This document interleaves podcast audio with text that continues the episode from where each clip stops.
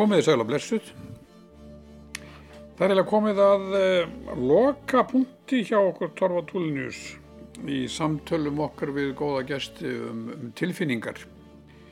Við höfum nú kannski verið dálítið upptekinn af, uh, já ég segi nú ekki okkar eigin tilfinningum, tilfinningum en tilfinningum manna og uh, þótti rétt svona í lokin að vikaður lítið út, skoða, skoða félag okkar hér á jörðinni, dýrin og velta fyrir okkur uh, þeirra tilfinningum ef einhverjur eru og til þess að ræða það, eiga samtal við okkur um það, þá er mættur í dag að hlöðnamannum Gísli Víkingsson lífræðingur, verður velkomin Gísli. Takk. Mm.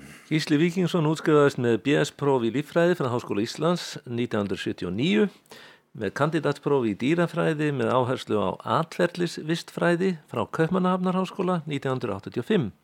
Að námi loknu hofa hann störf hjá rannsóknarstofnun við rannsóknir á sjávarspendýrum, engum kvölum og hefur starfað þar allar götur síðan. Sem yfirmaður kvalarannsókna hefur Gísli stýrt merkilegum rannsóknum á útbreyðslu, lífsháttum og viðkomu ímissa kvalategunda. Hann hefur rítað mikinn fjölda greina, skýsluna og bókarkabla um þessar rannsóknir, auk þess að veita stjórnvöldum mikilvæga ráðgjöf um verndun og nýtingu á kvölum. Kvalaransóknir eru í eðli sínu alþjóðlegar og hefur gísli áinnið sér gott orð á alþjóða vettfangi fyrir störf sín. Í janúar 2016 varði gísli doktorsritgerð um vistfræði skýðiskvala við háskólan í Tromsø í Noregi. Gísli er fyrir laungorðin þjóðkunnur sem veit nokkar helst í sérfræðingur í kvölum, sittur gjarnan fyrir svörum hjá fjölmiðlum þegar kvali ber á góma og er manna fróðastur um þá.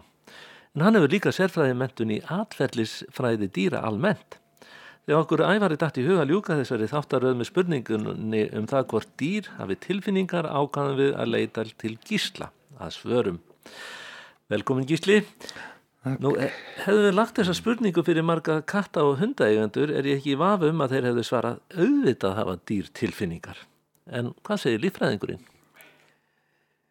Já, ég, jú, ég held ég getur nú alveg verið sammála hunda og kattaegandunum með það að, að þetta hafa dýr tilfinningar, ég held að það er eiginlega mjög erfitt að mæla því í mót en, en, en tilfinningar eru náttúrulega eins og því að verða að reyða þessum þáttum allt frá því að vera einhver getur verið frá einfældum tilfinningum eins og kannski óta við rándýr eða eitthvað svoleiðis einfald til platónskar ástar eða eitthvað þvílíkt þannig að það, það er Uh, spurning með þessar svona svo kallar aðri tilfinningar hvað, hvað uh, hvernig er þetta að tólka hegðun dýra með, með, með það fyrir hugum en, en alveg klárlega að hafa dýr tilfinningar. Alveg frá, frá spendýrum og niður í, í smæstu uh, smæstu dýri mitt og er ekki þá hægt að segja að, að ef að við skulum nú halda okkur við þessar hérna, óaðri tilfinningar allan að til að byrja með áður en við veltum við fyrir okkur hvort að dýr hafi réttlætiskend eða eitthvað því um líkt sem að eða, en um, er ekki hægt að segja að þessar tilfinningar þjón einhverjum tilgangi þá í lífið þeirra Jú, eflaust, eflaust gera þær þar. Og ég menna það er náttúrulega að segja sig sjálf eins og til dæmis óta tilfinning. Hún er klárlega mjög gagleg dýrum til þess að forðast kannski rándýr. Mm -hmm. þannig að það er þetta einn ein, kannski einföld tilfinning sem að sem er hreinlega lífsnausinleg mm -hmm. og sama má segja um, kannski ýmsar aðrar. Uh, og náttúrulega tilfinningar sem tengjast kannski kynhegðun, það er náttúrulega að hafa auðvitað tilgangi í, í, í samfættu við fjölgununa mm -hmm. e, þar sem að við um, og, og þar sem er kannski vandamálið í þessu er að við erum náttúrulega náskild þessum dýrum eins og spendýrum no. og eins og við heldum að frá með gæludýra eigandan að, að, hérna, að við þykjumst sjá uh, í samspili okkar við hunda að, að við kannski sínum honum ást og umhyggju og, og hann sínir okkur gleði og, og, og eitthvað svipa tilbaka að okkur finnst uh -huh. en eins og ég var um, til dæmis um, er erfitt að kannski segja hvort að það sé nákvæmlega hvort að hundurinn þó okkur finnist að hann sé að sína sömu tilfinningar tilbaka eins og við erum að sína honum uh, hundar eru náttúrulega upprunulega uh, vildýr sem að, sem að voru að verið tekinn í þá, þá manna fyrir, fyrir löngu síðan og þar ennur til viltir hundastofnar á erfámstöðum í heiminum og þar hafa menn lært að, að þeir vinna í svona, eru mjög félagslindir, eru í, í hópum sem eru svona fjölskyldu hópum og þar er e, þar er svona hýrarki eða hvað segir maður á Gunnaröð mhm. innan, innan hópsins mm -hmm. og, og hérna það, það er tilfinningar eða svo hegðun sem við tólkum e, að hundurinn síni eiganda sínum mhm. er, er mjög svipaðar því sem að lægra settir hundar kannski sína fóringarn í hópnum Já, þannig að þetta er svona þeir undirgefnu er, er, sína uh, vilja ekki storka fóringjanum ja. Og sína honum sagt, þjónustu og undirgefni. Já, þannig þegar hundægandin segir við eða finnst að hundinum þykja Ólaf mikið vænt um sig þá er það kannski bara þessi félagslega hegðun sem hann er að sína þar að segja hann er að sína undirgefni stóra hundinum í floknum eða sterkar hundinum í floknum já. Já, já, en, en það virkar á menn líka sko. Þess, þessi hegðun hundsins að, að maðurinn verður gladur og hann segir að hundurinn er gladur að sjá mig og svona veis maðurinn er svolítið eins og stóri hundurinn já. En uh, ég heyrði nú einhver starf að lasa að kettir væru einmitt af því að kettir eru nú eðli sínu einstaklingsdýr og eru ekki í hjörðum þannig að stundum hefur það verið sagt um kattareigandu að, að kettir hafi hérna tamið fólkið þannig að það er hægt að snúa þessu við já, já. kettina já. þeir viljast hafa tölvöld annan personleika og, og, og kattarándýr það er vísu alls konar félagskerfi sem, a, sem að er hjá þeim mm -hmm og, og ég svo sem þekk ekki alveg nákvæmlega og enda eru mjög margar, margar gerðir af, af köttum sem að menn halda í dag og hafa rægt á það í allar áttir. Þannig að eh, þannig ja. þekki það nú ekki eins vel hvað, hvað upp sagt, hver sameiglegu forföður allara hústýra katta er. En, ekki, ekki, en þessi félagslega hegðun þannig að tilfinningar dýra eins og við allavega tólkum þau og, og lífræðingar tólka, tólka eða dýraatverðisfræðingar tólka þessa, þessa tilfinningarlegu hegðun þá er hún fyrst og fremst svona já, afur þeirra fél, félagsgerða þessara eh, dýra. Þannig að tilfinningarlega hegðun þeirra er í samræmi við það hvernig samfélag þeirra eru uppbyggð og, og virka. Já, það með menna ef mann, ef mann farast út þeirra tegundir uh, með lífræðilegum aðferðum þá sjá þeir gætnan uh, tilgangi í flestri hegðun mhm. -huh.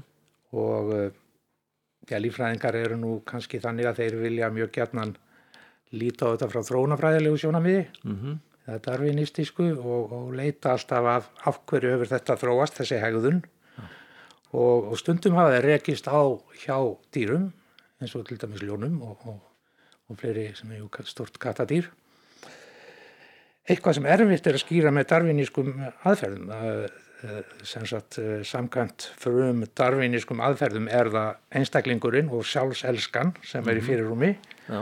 og eina sem skiptir máli er að fjölga sjálfum þér koma þínum genum og framfæri en síðan hafa menn séð hjá ýmsum dýrum allt frá, já, allt frá bíflugum og maurum sem er kannski öfgakjænsta dæmi þar sem að uh, margir, flestir einstaklingarnir uh, má segja fórna sér og eru ekkert að eiga afgæmi eru bara Já. þjóna, eru þræl kallaði þrælar það er náttúrulega einn manngerfingin Já, þræla kerfisins og þjóna drottningunum í búinu mm -hmm.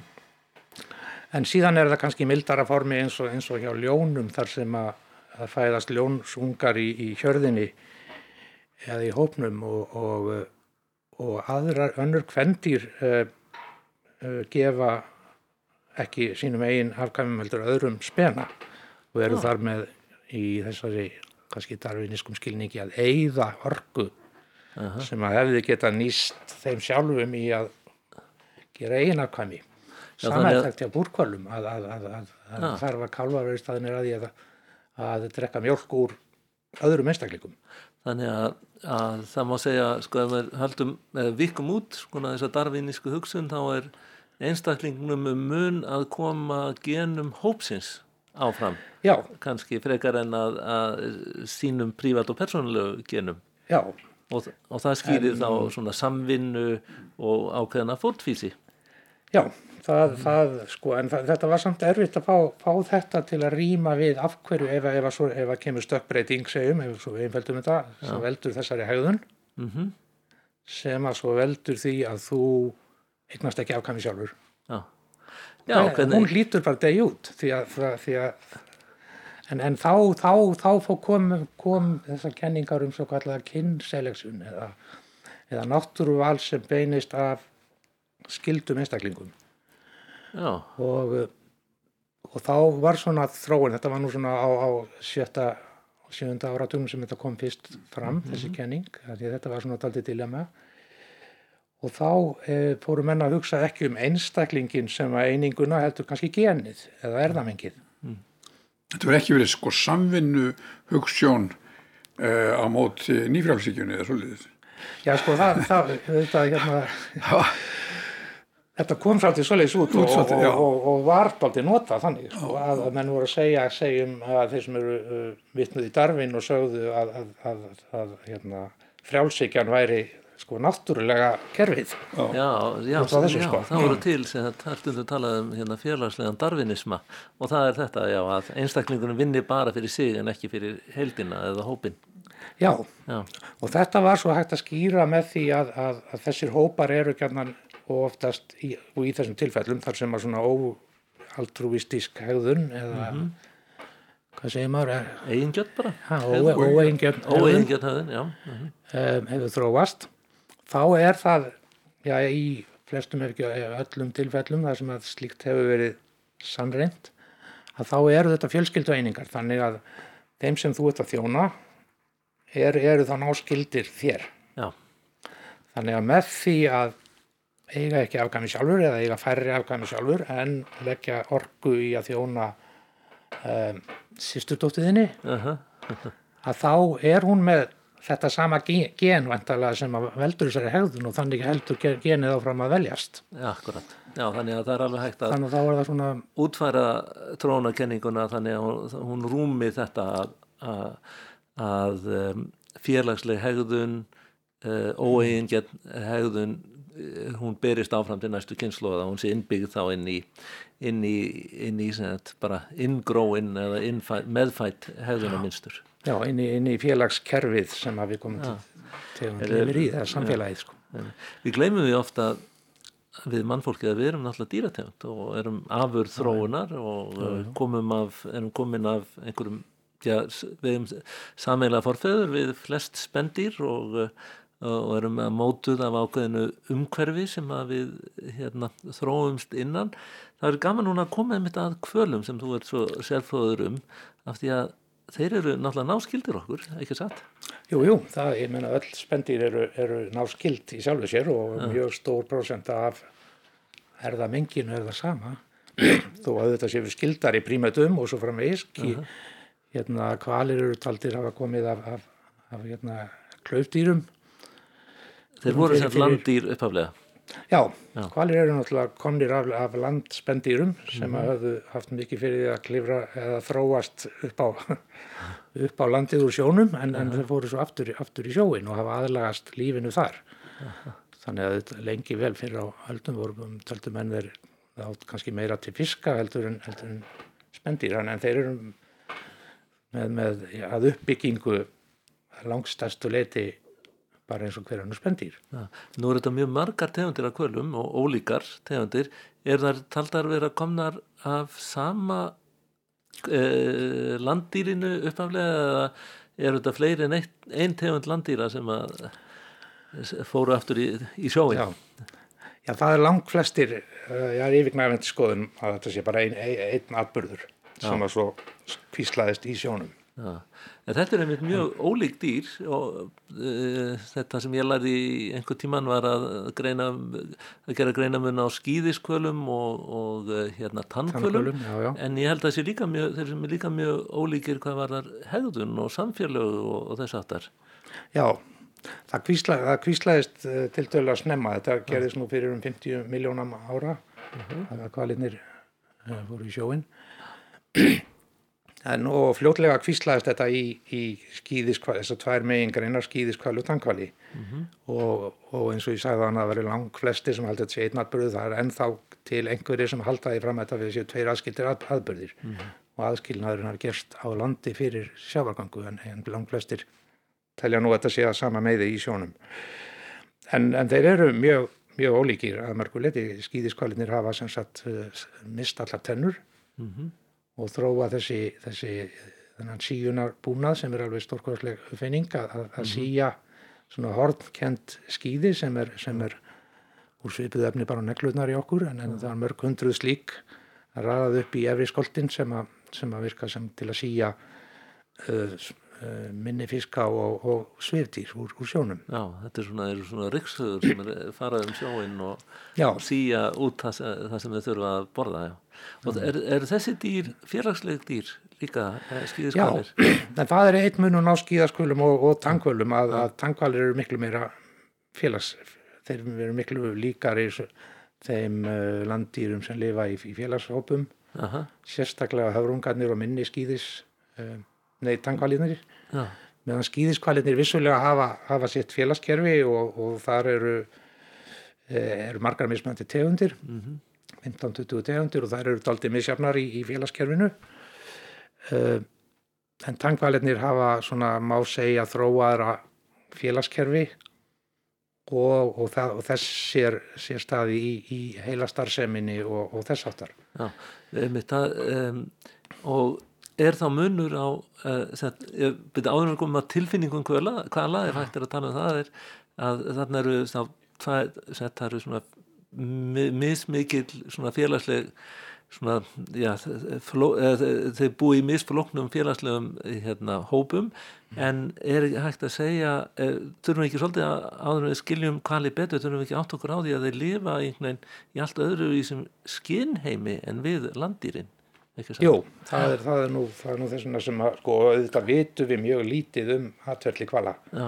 þeir eru náttúrulega 95% sko neðan yfirborðs og erfitt að stútur á uh -huh. þannig að það er uh, svona setni árum eða áratugum fáinum áratugum sem hefur orðið mikil, breyt, mikil hérna, breyting í því með nýri, nýri tekni en, en þeir lifa sagt, fyrst og fremst í, í hljóðheimi meðan mm. við já, hérna, menn og, og prímatar sumir lifa reyða sem mest á sjónina af skinnfærunum en landspendýr almennt hins vegar eru lyktaskinsdýr fyrst og fremst. Og er það eitthvað sambærilegt og hjá kvölum? Kvalinir eru svona nota hljóðin fyrst og næst, þau eru Já. með mjög, mjög hérna, sem sagt, það sem hefur gerst við þess að sjáagöngu er, er, er að, að, að líktarskinnið hefur, hefur mingað og augun eru, eru mjög lítil og, svona en, en þau eru notaðið þó samt með. Uh -huh. en fyrst og fremst uh, hafa þeir sí, samband sín á melli gegnum, gegnum hljóð. Já. og þar hefur verið að opnast heimur fyrir vísendamönnum sem er, er unnæglu stórkostlegur að, að þeir gefa frá sér. Og þar eru þá að tala um skýðiskvalina og eru þeir að tala saman? Er þeir eru að tala saman yfir, yfir, yfir langar vegalengdir. Uh, og, og það er svona láttíðinni hljóð sem þeir gefa frá sér sem að, sem að menn hafa reiknað út að geta berist, borist í appel þúsundir kílometra en auðvitað lítur það kannski er, er erfitt að segja hvernig viðtakandin í þúsund kílometra fjallar tekur við því því að þá lítur hann að heyra hljóð frá 20.000 kvala í einu. Já, já, það er oft talað um, um að, að þessi mikla skipaumferð og dísel eh, knúina eh, hérna, eh, skipa trubli kannski þessi samskipti kvala Já, það er talað um hljóðum engun í sjónum sem getur verið mjög alvarleg fyrir þá og, og það er ekki bara skipaumferð heldur uh, hérna ekki síst uh, oljuborun og tilræðin sem byggja á sprengjum ah. til að kanna jarlögin hvort það sé olja Já þá voru settar nýður svona, svona sprengjur uh -huh. og, og svo er náttúrulega líka hernaðaræfingar sem að sem að allt bendi til að hafi oft valdið bara kannski dauða margra kvalar sko, og sem hafa svo rekið á land stuttu síðar mm. en það er mjög erfitt að rannsaka vegna þess að menn er ekki, ekki áfjáðir að gefa upp hernarupplýsingar um hvort það hafi verið hernaræfing hér og þar og hvað þeir hafi notað og svo framvegis. En hvort... er þetta og er, þannig að það er mjög erfitt að koma staði hvort þetta hafi áhrif á stærri stopna eða við komum þeirra og þess aftar? Já, það, það, það er nú erfitt sko að segja, segjum það, en menn er nú frekar kannski á því að, að, að það sé ekki kannski mjög afgerandi þáttur með, með stofn stærði sem slíka. En auðvitað eru margar tegundir kvala sem að eru bara brota því sem það voru Aha. og, og, og þá, þá hjálpar þetta ekki til fyrir þá að reyna, reyna að ná sér á stryk aftur. En hvað eru þeir að tala um?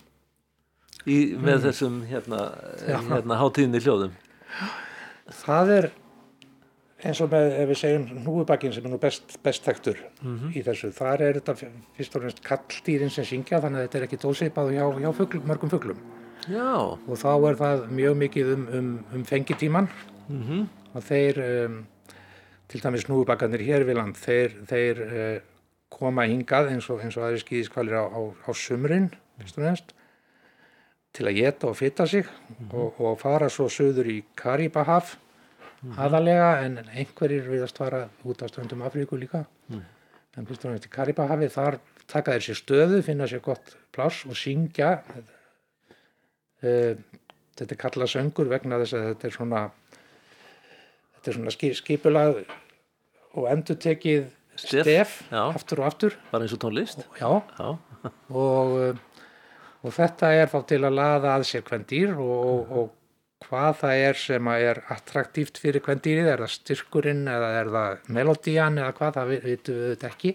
og þetta breytir, er þetta breytir þetta eftir einstaklingum eða tegundum? Já, eða- þessi, þessi söngur er breytilegur milli svæða, það hefur lengi verið þekkt að, að hnúfubakar í Karibahafinu syngja öðruvís en hnúfubakar í, í hérna, Kyrrahafi, segjum. Við- að það sé, annað, sé óbreytt, að það sé ekki munur á þeim sko, Nei, þetta er sama er tegundin, sama bara tegundin, já. mismunandi stofnar sem að vísu hitta, hittast aldrei. Og, en uh, síðan er til dælu að nýlega rannsókn við Ástralíu sem að, sem að vakti mikla aðtikli þar sem að, þar sem að og, og, og þessir, þessir söngvar þeir breytast gætnan smáðis yfir tíma Aha, en vístamenn yfir Ástralíu þeir náðu fyrir all, nokkrum árum að, að, að skrá mikla breytingu á núfi bak við, eh, ég held, austur Ástralíu hafi það verið, eh, þar sem að kom svona nýr, eh, nýtt lag eða söngur sem sló í gegn og,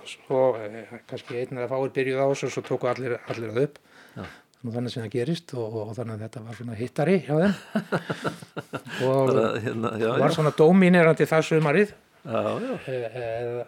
þann veturinn Þannig að, að hval, sem sagt, tilbrigði frá einum hval var tekið upp frá, Af öðrum. kvölum og, Já, já. og já, já, þetta er, þetta er merkilegt og þetta er þá vísbending um að þeir geti náttúrulega lært og, og, og líka það, það mætti segja að þetta sé einhvers konar menning hjá þeim ef að má nota orðið já, menningum já, um það, dýr. það er það, þetta er einmitt verið neft það menna velt mikið fyrir sér hvort það sé hugsanlega að tala um menningu hjá kvölum Já, og þá er, þá er oft vitnað í akkurat þetta þennan, þennan kvalasöng sem breytist berst milli kynsluða gegnum nám.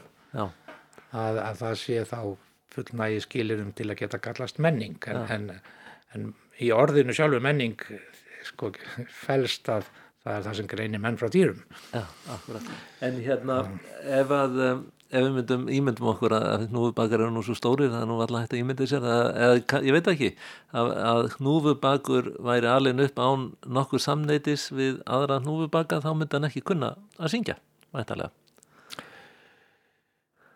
Já, hann myndi örgulega gefa frá sér einhver hljóð sko, Já. en uh, hann myndi ekki kann, kunna þessa söngva sem að sem eru, eru í gangi sko. Hann Og myndi- virka. Já, og virka kannski. Síðan er annað, sko, síðan þjónar þetta líka þeim hlutverki á milli, svona í agressjón á milli kallaði í talið, þessi söngur. Já, til að þeir, þetta er svona eins og þeir mynda sitt territori og halda öðrum frá. Já, og, og hjá hnúfubaknum er, er svona aggressjón yfir fengitíman á milli kalla eins, eins og þekkist hjá mörgum landýrum. Já, að þeir, þeir, þeir svona uh, já, berjast um, um, um uh, yfiráð yfir tiltekinni kellu yfir fengitíman eða, eða það er svolítið svipað eins og tarfur og, og, og kýr að, því leiti. en síðan er, er sko sléttbakurinn sem er, sem er hérna, líka stór skýðiskvalur Mm sem er með allt, allt aðra strategíu. Hann, hann, hann gefur líka frá sér hljóð og syngur. En ekki e, en þar á fengitímanum er, er algjör friðsæld því að í staðin fyrir að, að, að berjast við aðra kalla og reyna að einoka kvendýr þá er, eru bara eru, kemur kvendýr og, og fullt af kalldýrum í, í, í kring. Og þeir um, á stuttum tíma makast mjög mörg kalldýr við sömu, sömu kvendýrið. Og þetta var skýrt að menn furðuðu sér á sléttbagnum og hafðu gert það lengi að, að Þannig að þetta er raun þeir öfugt við núðubakinn. Þar er það eitt kall og mörg já, kvendýr og hjá slettubaknum þá er það eitt Kven- kvendýr og, og og margir mörg karldýr, kalldýr. já. Já, ok. en menn hafðu furðað sig á sléttbagnum sem er að þyngd sko mjög stóran getur verið 70 tonn sem er samastærð og langreiður Já, en hann er miklu feitar og allt öðru sér læginu en, en 70 tonn. Og, og, og sléttbakurinn er með eistu sem að vega 1 tonn þessum 70 sem er alveg geysistort já, og, en langreiðurinn sem er jafn þung það er þetta 10-20 kíló eistun, já. bara lítil Og það menn verið að reyna að ráði þessa gátu. Já, þegar menn síðan skráðu þetta atverli þeirra að, að það er bara frjáls aðgangur að kvendýrum, marg, margi kaldýra, þá ásá mest séns að frjóka þetta eina egg sem á flest, flesta fulltrúa inn í kvendýrinu. Já, já, Þannig að þróunin hefur leitt út í þessar öfgar að, að þeir vilja, þeir framleiða eins margar frumur og, og, og, og þeir geta Aha. Og síðan er þarna þessi mikla súpa inn í kvendýrinu sem að það sem bara einn ein sæðisfrum að lokum frjókar. En það sem að, sko, skýðiskvalir eru náttúrulega ekki veiðidýr, ef ég er- skil þetta rétt, en, þau, en uh, aftur á móti tannkvalir eru það og vinna, þurfa að vinna saman mjög mikið sem veiðidýr og við hugsaum um kannski eins og háhyrningar sem við þekkjum kannski best til. Og þar er allskynns félagslega samskipti sem kalla þá á tilfinningarlega samskipti hugsanlega, ekki satt? Já, akkurat, það, það hérna, sko þetta er tiltölulega þrátt fyrir þessa sem ég hef verið að lýsa um skýðiskvali, þá er það tiltölulega, má segja, innfalt líf. Þeir koma saman um fengi tíminn og þá, jú, gera all, all, allar þessar, allt þetta í gangi, sko, en, en Já. þar fyrir utan eru þeir uh, oftast kannski bara uh, einir og sér að, að geta restinu árinu. Mhm. um, eða í litlum, en, en aftur á móti tankvalitnir hafa þróað alls konar félagskerfi, sérstaklega höfrungarnir sem eru mjög þéttum félagslegum einingum uh, og, uh, og hafa þróað með sér samskiptakerfi sem menn skilja nú mjög lítið ennþá en, en þó alltaf meira og meira sem, sem að sýnir að þeir hafa mjög, með sér mjög mikla samvinnu og, og, og, hérna, og vinna saman af því að, að, að ná sér í fæðu til dæmis.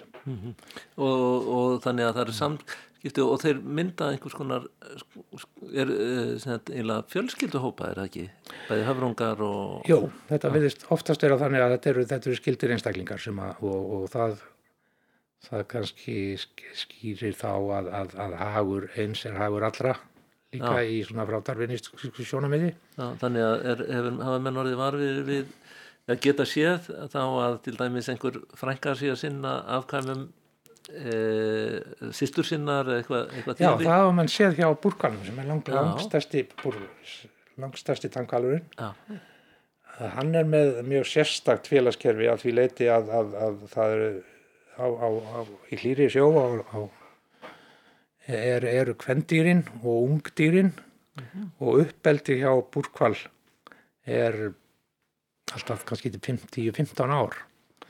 Eftir fæðingu eru þeir í þessum kvendýra og ung, unglingahópum. Mm en og, og þar er oftast bara einn eða kannski fáir kallar á hverjum tíma. Þannig að það er svona eins og harem kerfi má segja. Já, en all- allir afgangskallarnir sem að um leið þegar þeir verða kynþroska þá eru þeir uh, brottareikir úr hjörðinni má segja. Mhm, og ráfað um í það sem er kallað bachelor eða piparsveina hjarðir. Aha. Og það eru þeir sem koma til Íslands. Við, það er aldrei fundist hvern kynns búrkvalur í Ísland. Hann er vinsæl Eingöngu áfangastæða kall- fyrir, fyrir piparkalla. Í hópið búrkalla já, og þá að meðan á því stendur þá, þá er ekkert að gera nema bara að geta og verða stór og sterkur og reyna að ná uh, einhvern tímann aha. taki á, á, á hjörð. En þannig að þetta og um, en í til dæmis hópum háher, eh, við erum náttúrulega með nærtætt dæmi bara úr fortíð okkar, Íslendinga. Við, reynd, við fengum hingað sendan uh, háherning, Keiko, sem að hafði alist upp án samneitis við uh, aðra háherninga og, og það söfnuðist peningar, miljónir uh, dollara eða eitthvað til að flytja hann úr dýragarðinum þar sem hann hafði alið eh, mestan aldur sinn hinga til Íslands til að kennunum að verða að viltum háherningi aftur. Uh, hvernig, hvernig fór það og, og var, eitthvað vit í þessu? Nei, þetta finnst mér finnst þetta nú alveg, alveg glata frá byrjun en þetta svona kannski þetta byggir á og þessi peningasöfnun þannig að það var þessi mynd Willy sem að. Keiko var aðal Hollywood stjarnan í og upp frá því hófst þessi söfnun Já. og hún náttúrulega er, svo mynd gengur þessi langt í manngerfingunni um að, um að hann en, en, en, en Að, viss- að Keiko þrái frelsi? frelsið og, og þarna átti bara að full, hérna, fullnusta drauminn sem var í myndinni í, í raunveruleikanum og það, þetta vakti, það var mjög vinsæl mynd þannig að það sapnaðist mjög mikil, mikil Já. peningur Og, og það átti að kenna honum að vera viltur kvalur, ekki satt? Já, en hann hafði verið, verið veittur ásamt þetta var mikill business hérna á, á, á, á, á, á nýjunda áratugnum eða því lauk þá. Í Ísland að veiða áeinninga til útlutnings á sætýrasafn því þeir eru algengi hér og eða vilt að, að nálgast á Mhm. en samert með þeim að, að, að það var best að veiða bara unga, kannski eins árs uh, áeinninga með upp á flutning og, og geta kent þeim mm. einhverju sirkust bröð og, og þess aftar og, og að öllu leiti langpraktist að taka bara ungdýr til útlendings og um, þannig að það, hann missi háeinningar eru, eru rauninni frægir fyrir það að þeir hafa mjög lang, langa bernsku Aha, í fjölskyldu hjörðunum já. Þannig Svolítið eins og þurfa á- Já, og þeir þurfa á þessu langa námi að halda áður þeir geta að lifa sjálfstæðu lífi. Mhm. mörg, mörg ár kannski tíu ár eða svo. Og hérna þannig að Keiko var, var sviftu því öllu en en lærði annað í Ameríku og, og Mexiko og var fór í það Já, já, lærið að gera einhverja lærði að kúnstir gera einhverja kunstir með, með bolta og ringi og, og eitthvað svo leiðis, ekkert, ekkert náttúrulegt og, Mhm. og síðan var, var þessi vitleysa viljum segja að, að ætla, ætla honum að geta lifið og það var eins og var gert ráð fyrir líka fjölskyldan sem var tekin úr Já, það átt að taka erðasýni úr háetningum við austfjörði og reyna að finna mömmas. mömmas eða, eða sískinni eða eitthvað og, og eins og það var gert ráð fyrir að þau byðu í ofæni eftir 23 ára halskinnað og myndu taka hann í sátt sko, þetta var Það er þetta gott dæmi um manngerfingu e, dýra, það er að segja að það er verið að lesa einhverjar tilfinningar mannana inn í, inn í dýrin. inn í það sko. En, en uh, spekulum svolítið í svona einmitt heilabúinu í, í þessum æðri spendirum og þá sérstaklega kvölum. Við í, fyrir, mjög snemma í þessari þáttaröð þá tölum við taugasálfræðingin Magnús Jóhansson og hann var útskýr okkur fyrir okkur svolítið hvernig tilfinningar verða til í heilabúinu. Þetta eru þarna möndullinn og, og dreginn og heilabörkurinn og allt þetta eh, sem að eh, sem að vinna saman og skapa þetta, bæði vitundina okkar og, og svo vitundina um tilfinningarnar sem kunna bærast í okkur mm. er, er hvað með kvali? Eru þeir með svona eh, í stakk búnir til að finna fyrir tilfinningum til að hafa einhvers konar sjálfsvitund til að ja, Já, ég meina það klárlega hafa þeir alls konar tilfinningar og, og reyndar eru sumur höfrungar. Höfrungar eru náttúrulega aldrei sér á parti með, með, með innan kvala en, en, en þú tala um sjálfsvitund þá er, er, hefur verið talað um að ákveðnar höfrungategundir hafi komist hvað næst í því tilraunum að, að, að, að sína fram á að þeir geti haft sjálfsvitund með því að horfa í speil og átta sig á að, að þetta séu þeir en ekki aðrir. Hvað sér þau? Og það er jafnvel meira heldur en prímatar sko. En þetta eru auðvitað allt veist þetta eru ákveðna tilraunir sem að sína hvernig, hvernig kvalin reagerar á og fer, að- fer að reyfa sig á hinn og þennan háttinn til þess að, að sjá það sama í speklinum ja, þannig að Og- hérna höfrungur þó er þátt fyrir svona í raun og veru skerta sjón með að við kannski flest landýr þá getur hann þekkt sig í, í spekli Já, að já, já, já. Já, þeir nota, sko, nota sjónina að hafa, hafa augun en, en hún er tiltölulega minna minna mikilvæg heldur en, heldur en ljóðið.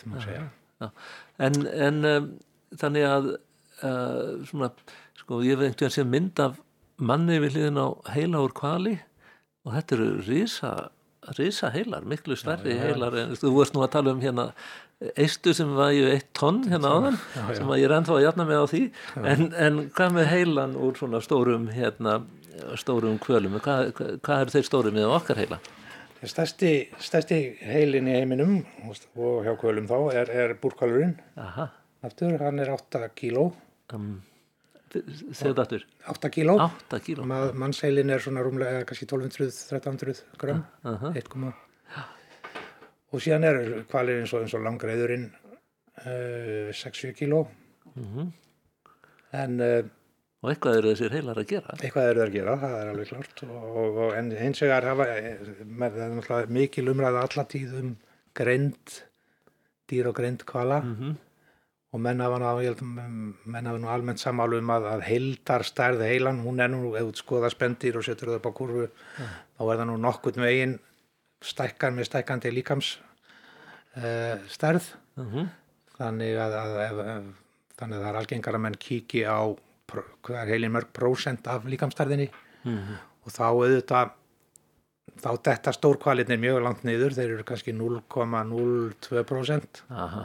af því að þeir eru þó þessu 8 kíló heila þá eru þeir líka sko 80 tonn Já, og heilin er náttúrulega þjónar svo miklum tilgangi bara að bera taugabóð frá einn og vinna úr taugabóðum og allt þetta en, en, en, en aftur á móti þarna koma höfrungarnir aftur mjög sterkir inn og þeir eru með því al stærsta miða við líkamstingt sem gerist í heiminum. Já. eru alveg á pari við, við Simbasa og svona aðri apa þar. En maðurinn er, er, er þar uh, á, á topnum nema að það er eitthvað sem heitir trjá, trí, trjá snjáldra Já, lítið, pínulítið nagdýr. Já, sem er auðvitað kannski vegna þess að, að, að það er svo lítið að, að það skorar í rauninni hæst. Eða í líkamstæri það hefur aldrei verið talin eitt sérstaklega gáða þannig. Þannig að trjásnjaldrarnir eru herrar sköpunarverski sem ekki við ef við miðum við Heyrðu, en, en ég las einu svona grein í náttúrufræðingnum því góða tímariti og reyndar komið til grein út 1978 og hún heitir Skinsamur kvalur og hún er eftir hérna, ein, fyrrum samstarfsmann þinn, Einar Jónsson í, á Hafranssonastofnun og segir frá mjög já, furðulegu atviki sem að gerist fyrir utan uh, fiskimiðum utan við vestfyrði kvalur, það, það er hrefna sem að er að svona dóla í kringum uh, lítinn bát. Mannst eftir þessari Já, já, grein? Já. Þetta, var, þetta er mjög, mjög skemmtileg saga og, og Einar Jónsson hefur þetta eftir, eftir bátsverjónum sjálfum. Það að hún hafi sem sagt og þeir hafi, smán saman séð uh, reyndar er, er þetta algengt aðtelli á hrefnu að svona verð eins og for, talin forvitin kvalur já, kemur ofta bátum og stingur upp, snj upp snjaldrinu. En uh, í þessu tilfelli sáu þeir að hún var með, með svona eins og múlbundin um hausinn og, og það var hérna trollgarn Aha. veiðarfæri þannig að hún, hún var al, algjörlega uh, gæti ekki opna munnin og, og aug, augljóst að ef, ef að gæti ekki losa sig við þetta þá, þá myndir það ekki býða nema döðin smá tíma og, og þeir voru svona að að segja á þessu kalladir að hún var svona sniglast í kringum bátinn og, og með þetta og síðan fer hún hún, hún, hún, hún reysir sig upp og þannig að þeir Já, sjáu þeir- vel já, hvað, að, hva, að, hvernig komið þið fyrir henni? Já, já, en það er reyndar atvelli sem að refna gerir ofta, hún svona stingur upp jafnvel og með augun upp úr. Já, og um, þannig að, að en, en í þessu tilfelli var, var, var múl- múlbundin má segja og, og síðan fer hún undir báturinn og, og svo fer báturinn að hristast og þeim var ekki, alveg um ekki alveg um sel sko en, en, en þetta var ekki mjög miklar reyfingar Aha. Og svo ef ég mann rétt að er það næsta sem þið sjá eftir eftir tölumvæðan tíma að, að svona núningi Aha. undir bátnum að þá, þá sjá þeir hana í dálítið fjarlægum þá er hann bara búin að losa sig við netið. þannig að hún notar bátinn eða kjölinn á bátnum til að losa sig við netið Já. Já. Í greinin ef ég mann er þá túlkar þessi kollegiðinn eða hvort hann sé að þá að tólka eða endur segja það sem að hvernig sjómenninni tólkuði atferðli krefnunar sem var að hún hafi fyrst verið svona að róa þá með því að svona dóla í kringum mm. þá. Svo eru þær nú ekki alltaf hrættir við, við kvalinn síðan hafi hún sínt þeim hvernig eh, hérna að hún væri svona múlbundin til að þeir áttuðu sig á vandamáli hennar og, og til að þeir eru síðan ekki hrættir þegar hún notaði kjölinn til að, til að losa sig við, við, við, við trollið. Og það þýðir þá þetta þýðir sko e, að þessi hrefna hafiði, samkvæmt tólkun allan að sjómanna, hafiði getur til að setja sig í spór sjómanna og hafði sendt einhvers konar tilfinning fyrir aðrir og tilfinningalífi annara að, þeir, að hún, hún var að reyna að koma í veg fyrir að þeir eruður hrættir til að þeim mitt að mm. geta notað bátinn e, e, finnst þér þetta að vera rétt tólkun eða er þetta enn eitt dæmi um manngjörfingu? Já, ég, ég myndi nú ég myndi, ég myndi skeptis, mjög skeptískur á, að, að hún hafi húsað svona meðvitað sko að, að, eins og ég segi sko þetta að stinga, stinga trjóninu upp úr er enginandi fyrir refnu og, og að laðast að bátum Aha. þannig að, að þetta svona eins og þú veist að lýsa þessu sko eftir, eftir þeim ég, ég, sem, ég, ég er mjög, mjög skeptisk á, á það að það sé svo meðvita hjá henni. Að uh, sko en, en þannig er nú kannski komið að því að það þurfa að fara skilgreina sko uh, tilfinningar á nýjanleikar að segja hvalur getur verið kannski greindur sko skinsamur, vitur í þeim skilningi að, að hann finnur að hann allar að leita hann er að leita á ákveðin aðferð til að losa sig við, við eh, gadnið eh, en það kannski sínir ekki beint hitt að hann setja sér í spórðeira er kannski talsvert það er svolítið stökk það er svolítið stökk sko. það er mikið stökk, mjög mikið stökk því að Hinnum á líka við verkvaranotkun sem er þekkt hjá, hjá mörgum dýrum, já, já. Uh, krákum og fugglum samum og, og, og kvölum sem hafrungum. Mm -hmm.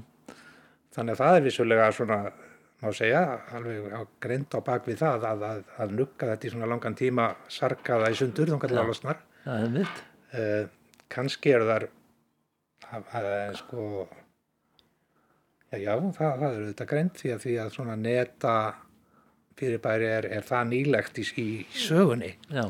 Að það getur ekki verið neitt þróunarfræðilegur reflex Nei. að gera það en það að, að, að ætla sér að róa einhverja menn á báti sem að og til að hérna, þeir eru ekki hrættir meðan að vera nota bátin það er alltaf stort skrefa að, að kvalurinn hafi getið sett sér inn í sálarlíf vestfyrskara sjómana Já, það, það væri alveg það væri alveg breykþrú í fræðanum sko, Nú erum við að nálgast svona síðari hluta þáttarins og, og um, mér langar að spyrja því svolítið í samt við um, nú er það dýr hafa tilfinningar, það er enginn vafi á því það er spurning hver, hversu svona líkar þær eru tilfinningum okkar og hvort uh, eitthvað er menningabundi við hegðun að minnskosti aðri spendýra. En sínum við í okkar menningu sem að við ölum upp dýr til, um, til sláturunar og leggjum þau til munns og uh, förum svona ímsanhátt með, með dýr. Sínum við tilfinningum dýra nægilega virðingu? Já, já, það er þetta góð, góð spurning og, og, og margir og í auknu mæli setni tíðir sem að, sem að gerast græmetsætur og, og vegan og sko gera það af þessum ástæðum. Að, að, að þeir vilja ekki geta þess að meðbræður okkur sem eru tilfinninga eða skinni borna skeppnur mm -hmm. þó að þetta margir, kannski fleiri gerir þetta líka út af svona bara uh, vistræðilegum ástæðum að gjör, ja, þú veist, matarfarði heimsins og svo framvegs að skræmistætur mm -hmm. en um, þetta eru þetta góð spurning hérna en þá er það líka spurning sko hvar það voruð að talað um það sem er svona tegund að higgja mm -hmm sem er þá skilt orð við, við kynþáttahyggju. Já, svona spesísum á ennsku Já, ef við förum að flokka dýr eftir þessu mm -hmm. hvart eru við línuna? Hefur við að megu við geta og drepa heimsk dýr en ekki gáfið dýr og á einhver, einhverjum einhverjum stað í, í, í skalanum hérna drögu línu. Já, eða mann við stundum á tilfinninguna með, með kvali sko að, að, að það sé stærð líka. Ég meina það er svona rosalega stór dýr Aha. að þá drepar þau ekki því að það er hljótt að vera að það sé svo göfug að þið eru stór já, Já, ég meina og þetta er oft kallað bara í, í mínum fræðum með charismatic megafána sem sagt, já, hvað segir maður? Charismatic, það er svona fallegur eða aðlaðandi stór dýr. Já og svolítið eins og fílar líka mm, aðlaðandi risar sko,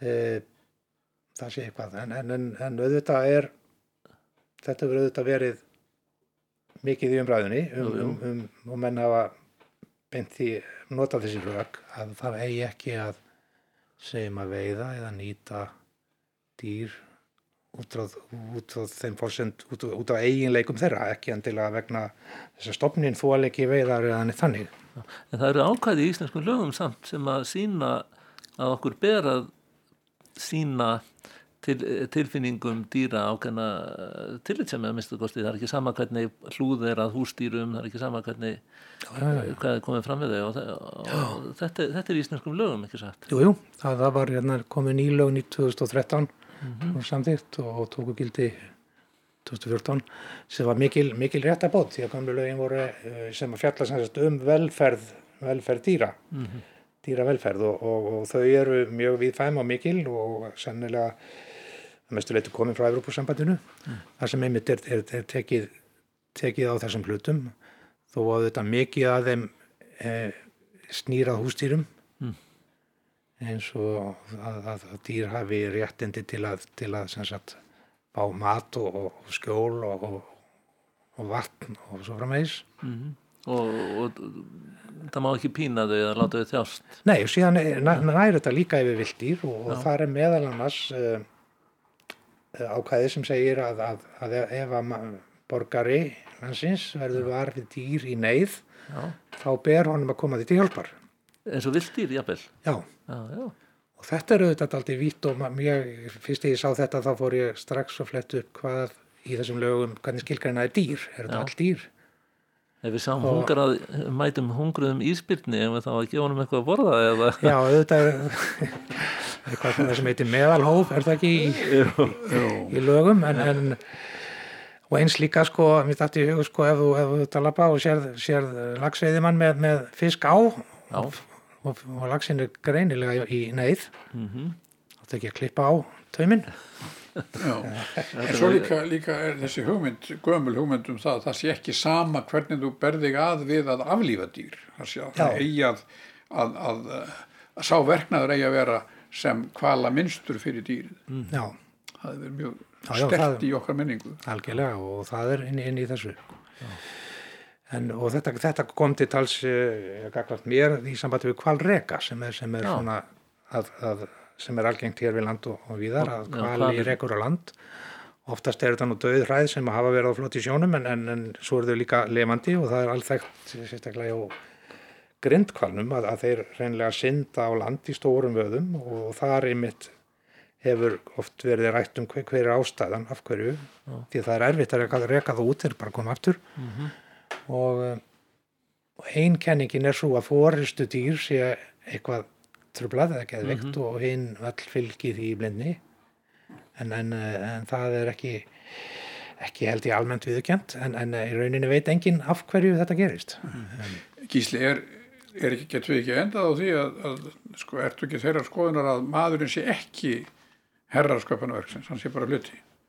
Jú, ég er algjörlega, algjörlega á því við erum dýrategund og, og, og hérna og skerum okkur ekki eins mikið frá dýraríkinu eins og, eins og oft er eins og í sögunar rás hefur gætna verið álitið sko. að við erum, þetta er, þetta er svo margt líkt með okkur og okkar nánustu skild hérna, Dýrum. Skyldýrum. Já, Já, þetta verður niðurstaðan og verður lokaorðin hjá okkur í, í dag. Gísli Víkingsson, lífræðingur, bestu þakkir fyrir að koma í þáttinn og uh, ég vil nú að þetta er nú endapunktur uh, þessara samtala um tilfinningar, þá vil ég nú bara Torfi Túlnjús þakka þér kærlega fyrir samstarfið. bara þakka þér fyrir sem leiðis og ég vil þakka líka öllum, ekki bara gísla kærlega fyrir komuna, heldur öllum eh, viðmælundum okkar átta sem að hafa allir komið með mjög fersk og skemmtileg sjónarhótt að þessu skemmtilega viðfáttefni sem eru tilfinningar og eh, benda hlustendum á að það er hægt að hlaða niður þessa þætti og hlusta á þá hvar sem er og hvena sem er. Og jáfnvel oft e, viljið þeir gera það. Og ég þakka bæði ykkur tveimur og e, fyrir samstarfið og hlustendum fyrir goðar viðtökur. Já og það er kannski rétt bara að geta þess að, að, að Davíð Bernsen hefur tekið þess að þætti upp í þessari, þessari röð, þakka honum fyrir samstarfið og að vikuliðinni þá allar að setjast hérna með mér Sigur Jón Árni Ejjólfsson Guðfræðingur og við ætlum að ræða við gesti um ímis, ímis stór máli í, samtímanum og eiginlega það verður eiginlega samtala um afstöðu og afstöðuleysi. Hvernig eigum við að taka á? Hvaða afstöðu eigum við að taka og á hver eigum við að byggja hana til ímissa stóra mála en það verður við kulliðinni verðið sæl